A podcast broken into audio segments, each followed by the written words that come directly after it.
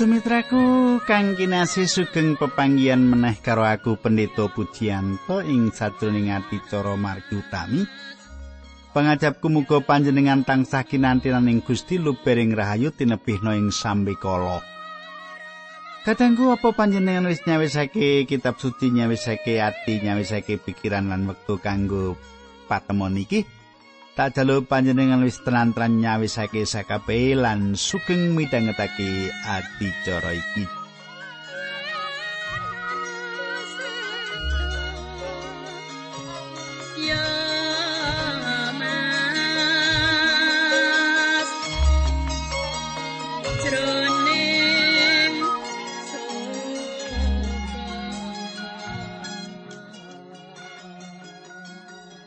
Katanggu tak suwun panjenengan iki kelingan apa sing ndandharake ana ing patemon kita kepungkur ing dina kepungkur kita wis naliti bab kayekten paksaksine Gusti Yesus.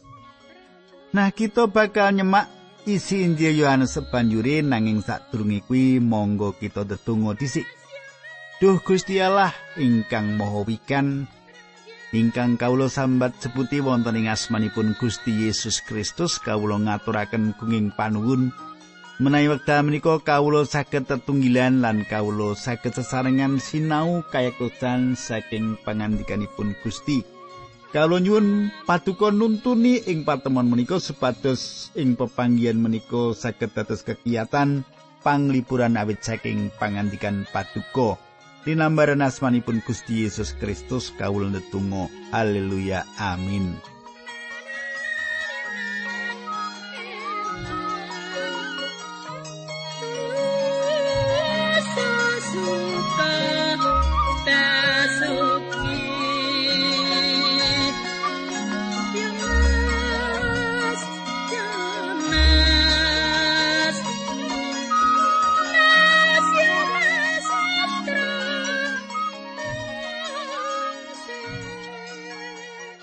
Para pamirsa panggegilut kita ing wektu iki bakal kawitan saka Injil Yohanes pasal 8 ayate tak wiwiti saka 20 nganti 22. Mengkene surasane kuwi kabeh dipangandikake dening Gusti Yesus nalika panjenengane lagi memulang ana ing pedalemane Allah cedhak karo kotak-kotak pisungsung kagem Gusti Allah. Ewa semono ora ana wong siji wae sing nyekel panjenengane sebab durung tekan mangsani. Gusti Yesus ngendika marang wong-wong mau, "Aku iki bakal lunga lan kowe padha goleki aku, nanging kowe bakal padha mati nggawa dosamu. Aku lunga menyang panggonan sing ora bisa kok parani." Mulane para panggedene wong Yahudi padha muni, "Apa wong kuwi arep nglalu kok muni menyang ngendi paranku kowe padha ora bisa mrono?" Kadangku wong-wong iki padha ora gagas lan ngerti apa sing ditindakake dening Gusti Yesus sing rawuh ing Yerusalem masrahake gesange ana ing tangane wong-wong sing dudu bangsa Yahudi. Iku bisa kedadian jalaran panjenengane dipasrahake supaya kaukum mati dening para pemimpin agama. Karo maneh apa sing ditindakake Gusti Yesus jalaran kanggo nebus dosa-dosane donya iki? Apa panjenengane ngendat? Oh, babar pisan ora. Panjenengane pasrah jiwaraga kanggo nebus dosane jagat iki.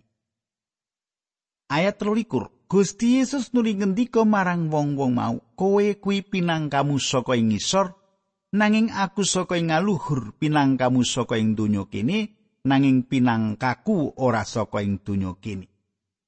Kadangku pamikire manungsa mung bisa dingerteni dening manungsa yen duweni IQ sing lumayan. Nanging kawicaksanane Allah iku beda. Mung roe Allah sing bisa ngerti bab kayektene Sang Kristus banjur dituduhake marang kita. Iku sing dingendikake Gusti Yesus ing kono. Ayat 24 Mulane aku kondo karo kowe yen kowe bakal mati nggawa dosa-dosamu, ya kuwi yen kowe ora percaya yen aku iki panjenengane kang ana. Manungsa nemahi pati jalaran saka dosane. Iku konsekuensi sing murwat kanggo tindak dosa. Banjur apa bisa manungsa diwilujengake ing sawektu-wektu pungkasan? upamane wis meh mati yen pancen wong mau ngaku percaya lan nampani Gusti Yesus minangka juru wilujengi mesti wae bisa nanging manungsa nggone nolak Gusti Yesus kesuwen banget kaya wong-wong Yahudi iku. Bisa uga jalaran suwe banget nggone nolak Gusti Yesus banjur ora ana meneh kalodhangan kanggo percaya lan nampani Gusti Yesus Kristus. Ayat selawe pitakone wong-wong mau panjenengan menika sakleresipun sinten? Pangandikane Gusti Yesus kuwi wis ora perlu ndak kandhakake meneh Kadangku wong-wong Yahudi iki padha ora ngerti tujuan dan pakaryane Sang Kristus. Malah padha ora kenal marang Gustine iki. Kanthi tetep kukuh, Gusti Yesus ngendika yen panjenengan iku pancen Sang Mesih juru wilujenging donya iki. Saya kita terus ke ayat 6 akeh perkara sing ngarep ndak kandhake marang kue dapur pandakwo nanging apa sing ndak kandhake marang jagat kuwi mung perkara sing ndak rungu saka panjenengane sing ngutus aku sebab panjenengane kuwi bener. Katangku Gusti Yesus ngendika yen Allah Sang Rama wis ngutus panjenengane lan apa sing dikersakake Sang Rama dilampahi? Panjenengane ora ngersakake tumindak kanthi kersane dhewe utawa kawicaksanane dhewe. Iki conto sing becik kanggo para juru khotbah sing diwartakake ing mimbar iku sabdane Gusti dudu rekayasa saka asil pikir lan kalantipane para pengkhotbah Yohanes 17 wong-wong padha ora ngerti yen Gusti Yesus ngendikake bab Sang Rama kadangku wong-wong iki padha salah ngerti marang pangandikane Gusti Yesus. Pikirane pikiran donya iki ora padha mudeng perkara kasuwargan. Yohanes 8 ayat 12.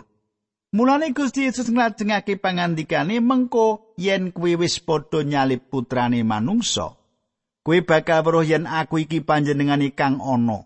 Ing wektu kuwi kuwi bakal ngerti yen apa sing ndak lakoni kuwi ora ana siji wae sing manut karepku dhewe.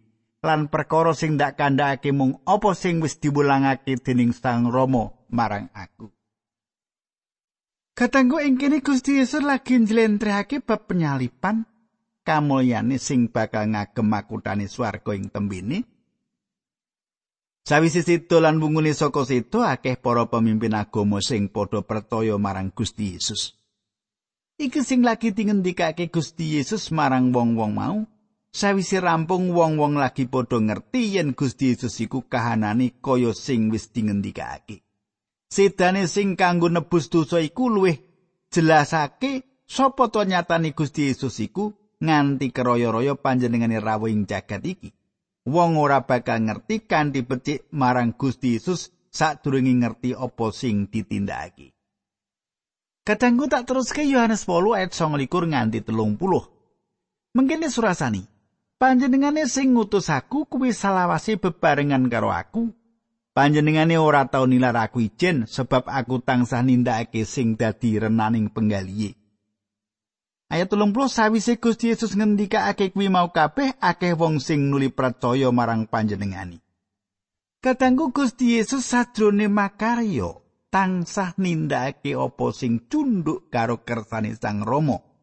Panjenengane rawuh pancen nindakake kersane Sang Rama. Yohanes 8 ayat 31 nganti 32. Sawise kuwi Gusti Yesus nuli ngendika marang wong-wong Yahudi sing padha percaya marang panjenengane, kowe kuwi nyoto dadi muridku yen kowe padha nglakoni piwulangku. Nuli kowe bakal nglakoni kersane Allah lan srana mengkono kowe dadi wong merdika, katangku. Iman sing nyelametake iku iman sing bakal ana pituwase. Sawise wong percaya marang Gusti Yesus dheweke bakal duweni kekarepan kanggo tetep ana ing jero sabdane Gusti. Bukti iman yaiku wong mau tansah ana ing patunggilan karo Yesus juru wilujeng. Kayekten iku sing bakal merdikake panjenengan. Kayekten yaiku yen Gusti Yesus iku pancen juru wilujengi jagat. Gusti Yesus iku kayekten sejati siji kita swaning ngarsane minangka juru wilujeng kita lan saka pengalamane urip ing sajroning Kristus kita bakal ngerti yen kita wis merdika kita dimerdekake saka paukumane dosa. Gusti ndawuhake marang kita supaya kita pasrao sak butuhe urip kita ing astani Gusti. Nuli panjenengane sing bakal nganti urip kita. Nalika kita pasrah jiwa raga marang panjenengane, kita bakal kaparingan kamardikan. Saiki hayat telung puluh telu, kulo menika sami anak turunipun Roma Abraham, aturi wong-wong mau. Kulo sami dereng nate dados rencang tumbasan menapa ingkang panjenengan kersakaken kok ngendika kowe bakal merdika. Kadangku wong-wong iki padha hapus-hapus nalika ngandhakake bab iku. Kenapa? Jalaran Israel wis tau dadi batur tukon ing Mesir lan uga ing Babel lan ing prastawa iki Israel dijajah dening Rom. Saiki Yohanes 8 ayat 34 nganti 38. pangandikane Gusti Yesus padha elinga kabeh wong sing gawe dosa kuwi dadi bature dosa. Lan batur ora selawase manggon dadi saomah karo bendarane sing oleh manggon selawase dadi saomah kuwi para putra. Yen sang putra wis merdekake kowe, kowe lagi dadi wong merdeka temenan. Aku ngerti yen kowe kuwi anak turune Abraham, ewa semono kowe arep mateni aku sebab kowe ora gelem nampani piwulangku. Sing ndak kandhake iki apa sing dituduhake dening Sang Rama marang aku, dene kowe padha nglakoni perintahe bapakmu. Katangku Israel wektu iki ora merdika secara kajasmanen lan uga ora merdika secara karohanen. Senajan padha ngaku yen keturunane Rama Abraham, nanging kenapa wong-wong iku arep nyedani Gusti Yesus? Kabeh wong sing gawe dosa kuwi dadi baturi dosa. Yen panjenengan terus makarti dosa, panjenengan baturi si dosa. Kita sadar yen ing uripe manungsa ora ana urip ing sajroning sedina sing ora gawe dosa. Nanging para putrane Allah saben dina sowan ing ngarsane Sang Rama nyuwun pangapurane dosa ing kene Gusti Yesus ngagem basa sing alus Gusti Yesus ngendika yen para pemimpine agama iku ora putrane Allah. Pancen para pemimpin agama iki ana ing pedalamane Allah nanging ora manggon ana ing pedalamane Allah. Allah ngersakake urip kita iki kagem panjenengani kanthi pitulungane Sang Roh Suci. Yohanes 8 ayat 39 nganti 44. Wong-wong Yahudi mau padha mangsuli, "Bapak kula menika Rama Abraham," pangandikane Gusti Yesus. "Yen kowe kuwi putrane Abraham temenan, kowe mesti padha nglakoni apa sing dilakoni dening Rama Abraham." Aku mung aweh weruh marang kowe bab kayekten sing ndak rungu saka Gusti Allah. Nanging kowe kok malah arep mateni aku. Rama Abraham ora nindakake sing kaya mengkono kuwi. Kowe padha nglakoni apa sing dilakoni dhewe dening bapakmu. Wong-wong Yahudi manuli padha mangsuli. Kula menika sanes anak jadah. Rama kula namung setunggal inggih menika Gusti Allah piyambak. Gusti Yesus nuli ngendika marang wong-wong mau, "Yen Gusti Allah kuwi ramamu, temenan? Kowe mesti tresno marang aku sebab tekaku iki saka kersane Gusti Allah lan saiki ana ing kene. Tekaku mrene ora saka karepku dhewe, Gusti Allah sing ngutus aku." Apa sebabe kowe kok ora ngerti marang apa sing ndak kandhake? Nyatane kowe padha ora betah ngrungokake piwulangku. Bapakmu kuwi iblis. Mulane kowe yo arep padha nuruti kekarepane bapakmu. Wiwit-wiwitan mula iblis kuwi tukang mateni wong. Iblis kuwi tumindake ora tau bener sebab pancen ora duwe kayekten. Iblis kuwi pancen tukang goroh jalaran pancen mengkono kaanane. Tan sakaing goroh kuwi asale saka dheweke. Katanggu wong-wong Yahudi iki padha ngaku yen putrane Bapa Abraham. Gusti Yesus ngendika yen putrane Abraham, tumindake uga kaya tumindake Bapa Abraham. Nanging wong-wong iki padha nduweni karep kanggo nyedani Gusti Yesus dadi wong-wong iki pancen dudu putrane Bapa Abraham. Nanging anak-anake iblis, iblis iku bapakne para wong duro lan bapakne wong sing nindakake raja pati. Nuli wong-wong mau nyelembatake omongan liya, aku kabeh iki ora dilairake saka lagu dina. Yen kita nyahak wiyosane Kristus iku lair saka garwa garbane perawan. Ateges kita uga setuju marang wong-wong Yahudi iki.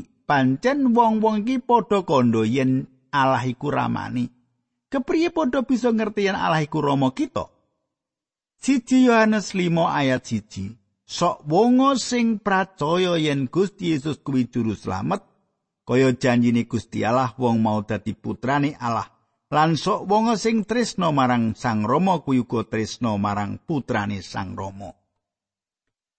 Kadangku wong Yahudi iku nduweni pikiran yen padha dadi putrane Allah. Mongko nyatane wong-wong iki dadi anak-anak iblis ing jaman saiki uga kaya ngono. Mulangan bab Allah sing dadi bapa saka ajaran sak jagat lan patungilan rohani sak jagat iki bisa gawe perkara kang rumit. ing kitab suci durung ditemokake bab pengajaran iki. Katengku Gusti Yesus ngendika yen para pemimpin agama Yahudi ku anak iblis, dudu putrani Allah. Dadi ing jagat iki ora kabeh wong padha dadi putrani Allah. Yen kepengin dadi putrani Allah, kudu pitados marang Gusti Yesus. Ngendikane Gusti Yesus iki banget nyodok atine wong-wong mau. Nanging Gusti Yesus tetep ing pamanggihe jalaran bab iku sawijining kayekten. Uga Gusti Yesus ngendika, yen ora ana siji wae wong sing bisa nuduhake yen panjenengane wis nindakake dosa. Gusti Yesus iku pinangkane saka Allah lan saben wong sing dadi putrane Allah mesti ngestokake apa sing dingendikake dening Gusti Yesus. Manungsa akeh sing ora seneng ngrungokake piwulange Gusti Yesus. manungsa tangsa kepengin nuduhake yen kita manungsa iki wong sing becik-becik wae rukun lan padha tresna tinresnanan malah sing diomongake mung katresnan katresnan lan katresnan yen panjenengan ngukui pengajarane Gusti Yesus panjenengan bakal disengiti wong-wong ing sakiwa tengen panjenengan lan yo kaya ngono iku sing dialami Gusti Yesus didakwa nindakake kadurakan Yohanes 8 ayat 45. Sarene aku mulangke bab sing bener sing saka Gusti Allah, mulane kowe padha ora percaya marang aku. Gusti Yesus mulang bab kayekten, nanging wong-wong mau padha ora percaya apa sing dingendikake Gusti Yesus malah dadi dredah. Yohanes 8 ayat 46 nganti 48. Sopo ing antaramu sing bisa mbuktekake yen aku duwe dosa? Menawa aku mulangake bab kayekten sing saka Gusti Allah apa sebabe kowe padha ora percaya marang aku? Wong sing asale saka Allah kuwi percaya marang pangandikane Allah. Nanging kowe kuwi pinangkamu ora saka Allah, mulane kowe padha ora percaya. Wong-wong Yahudi mau nuli padha mangsuli rak leres angin kula mestani panjenengan. Panjenengan menika tiang Samaria ingkang kesurupan setan. kadangku iki pangandikane Gusti ngantek guyu aku karo wong-wong Yahudi iki Saiki kita terus yen para wong-wong sing sengit marang Gusti Yesus mau duweni bukti kanggo nglawan Gusti Yesus. Wong-wong mau banjur ngandhakake perkara mau. Nanging wong-wong mau ora duweni bukti apa-apa. Nuli apa sing ditindakake wong-wong Yahudi mau padha ngucapake pengino, ngremehake, nyepelekake lan gapah. Iki omongane panjenengan menikut yang Samaria ingkang kesurupan setan. Tak terus ke ayat petang songo nganti seket siji ya. Pangandikani Gusti Yesus, aku iki ora kesurupan setan. Aku ngurmati ramaku nanging kowe ngino marang aku. Aku ora golek kaurmatan kanggo awakku dhewe, ana siji sing mundut ya kuwi panjenengane sing uga ngadili yen aku iki bener. Elingo, wong sing gugu marang tembungku kuwi selawase bakal ora ngalami mati. Katanggu saking sengite marang Gusti Yesus wong-wong iki padha nduweni karep arep nyedani Gusti Yesus. Atine wis kebak ing pangrantam jahat marang Gusti Yesus. Sawetara iku penggali Gusti Yesus kebak ing welas asih. Sing dipikir wong-wong iku mung kepiye carane nyedani Gusti Yesus, mongko Gusti Yesus wis paring urip marang wong-wong iku. Gusti Yesus wis nawakake urip langgeng marang wong-wong iki uripe karohanen. Yohanes 8 ayat 52 nganti 59. Mangkene surasani. Wong-wong Yahudi nuli padha mangsuli semenika kula ngertos bilih panjenengan menika estu kesurupan setan. Jalaran Roma Abraham piyambak ngalami sedo makaten ugi sedaya nabi nanging panjenengan kok ngendika wong sing gugu marang tembungku bakal ora mati. Menawi Roma Abraham piyambak ngalami sedo lan nabi-nabi sedaya ugi ngalami sedo panjenengan menika sinten? Menapa panjenengan menika ngungkuli Roma Abraham? Gusti Yesus gentos ngendika yen aku ngluhurake awakku dhewe. Kaluhuranku kuwi ora ana tegesi. Sing luhurake aku kuwi ramaku sing kok sebut Allahmu. Mongko sejatine kowe ora wanuh marang panjenengane nanging aku wanuh marang panjenengane. Menawa aku kandha yen aku ora wanuh marang panjenengane aku goroh padha karo kowe. Aku wanuh marang Gusti Allah lan ngistokake dawuhi. Ramamu Abraham bungah banget nalika arep pirsa dinaku saiki wis kelakon mulane nuli bungah. Wong-wong Yahudi mau banjur padha matur marang Gusti Yesus, "Yuswa panjenengan dereng wonten 50 taun. Kados pundi dene panjenengan kok sampun nate pirsa Roma Abraham?" Pangandikane Gusti Yesus, "Kowe ndak kandhani satemene sadurunge Abraham lair aku wis ana." Wong Yahudi mau nuli padha njupuk watu arep benturi Gusti Yesus. Nanging Gusti Yesus nguncati lan nilar pedalamane Allah ing kono. Kadangku wong-wong Yahudi Yahudi wis padha paham bab iki mau kabeh. Mula banjur padha njupuk watu arep kanggo mbenturi Gusti Yesus kanthi pandhawa nyawiyah asmane Allah. Wong-wong mau kudu gawe putusan ngenani Gusti Yesus. Panjenengane uga kudu nemtokake putusan ngenani Gusti Yesus uga. Apa panjenengane Gusti Yesus iki sawijining kayekten? Apa sawijining tukang apus-apus? Apa panjenengan iku juru wilujeng apa dudu? Panjenengan kudu duweni pemanggih ngenani panjenengani. Panjenengan nampa apa nolak?